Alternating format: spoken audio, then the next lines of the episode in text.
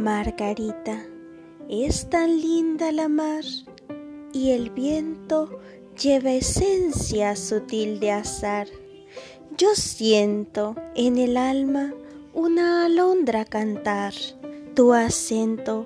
Margarita, te voy a contar un cuento.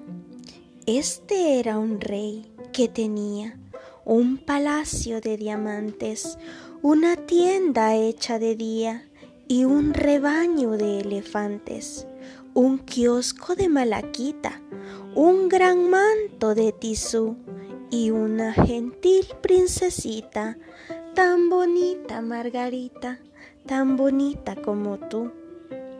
Una tarde la princesa vio una estrella aparecer. La princesa era traviesa y la quiso ir a coger. La quería para hacerla decorar un prendedor con un verso y una perla y una pluma y una flor. Las princesas primorosas se parecen mucho a ti. Cortan lirios, cortan rosas, cortan astros, son así.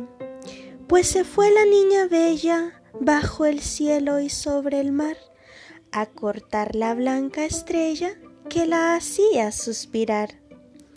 Y siguió camino arriba por la luna y más allá. Mas lo malo es que ella iba sin permiso de papá. Cuando estuvo ya de vuelta de los parques del Señor, se miraba toda envuelta en un dulce resplandor. Y el rey dijo, ¿qué has hecho? Te he buscado y no te hallé. ¿Y qué tienes en el pecho que encendido se te ve? La princesa no mentía y así dijo la verdad. Fui a cortar la estrella mía a la azul inmensidad. Y el rey clama, ¿no te he dicho que el azul no hay que cortar? ¡Qué locura! ¡Qué capricho! El señor se va a enojar.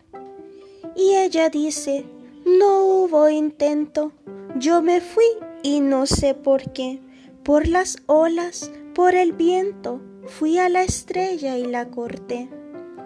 Y el papá dice enojado, un castigo has de tener, vuelve al cielo y lo robado vas ahora a devolver.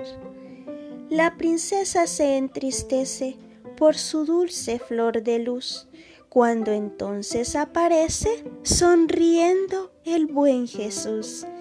Y así dice en mis campiñas esa rosa te ofrecí, son mis flores de las niñas que al soñar piensan en mí. Viste el rey pompas brillantes y luego hace desfilar cuatrocientos elefantes a la orilla de la mar.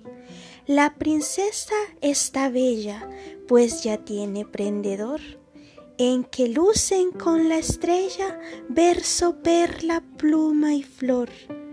Margarita es tan linda la mar y el viento lleva esencia sutil de azar, tu aliento. Ya que lejos de mí vas a estar, guarda niña un gentil pensamiento al que un día te quiso contar un cuento.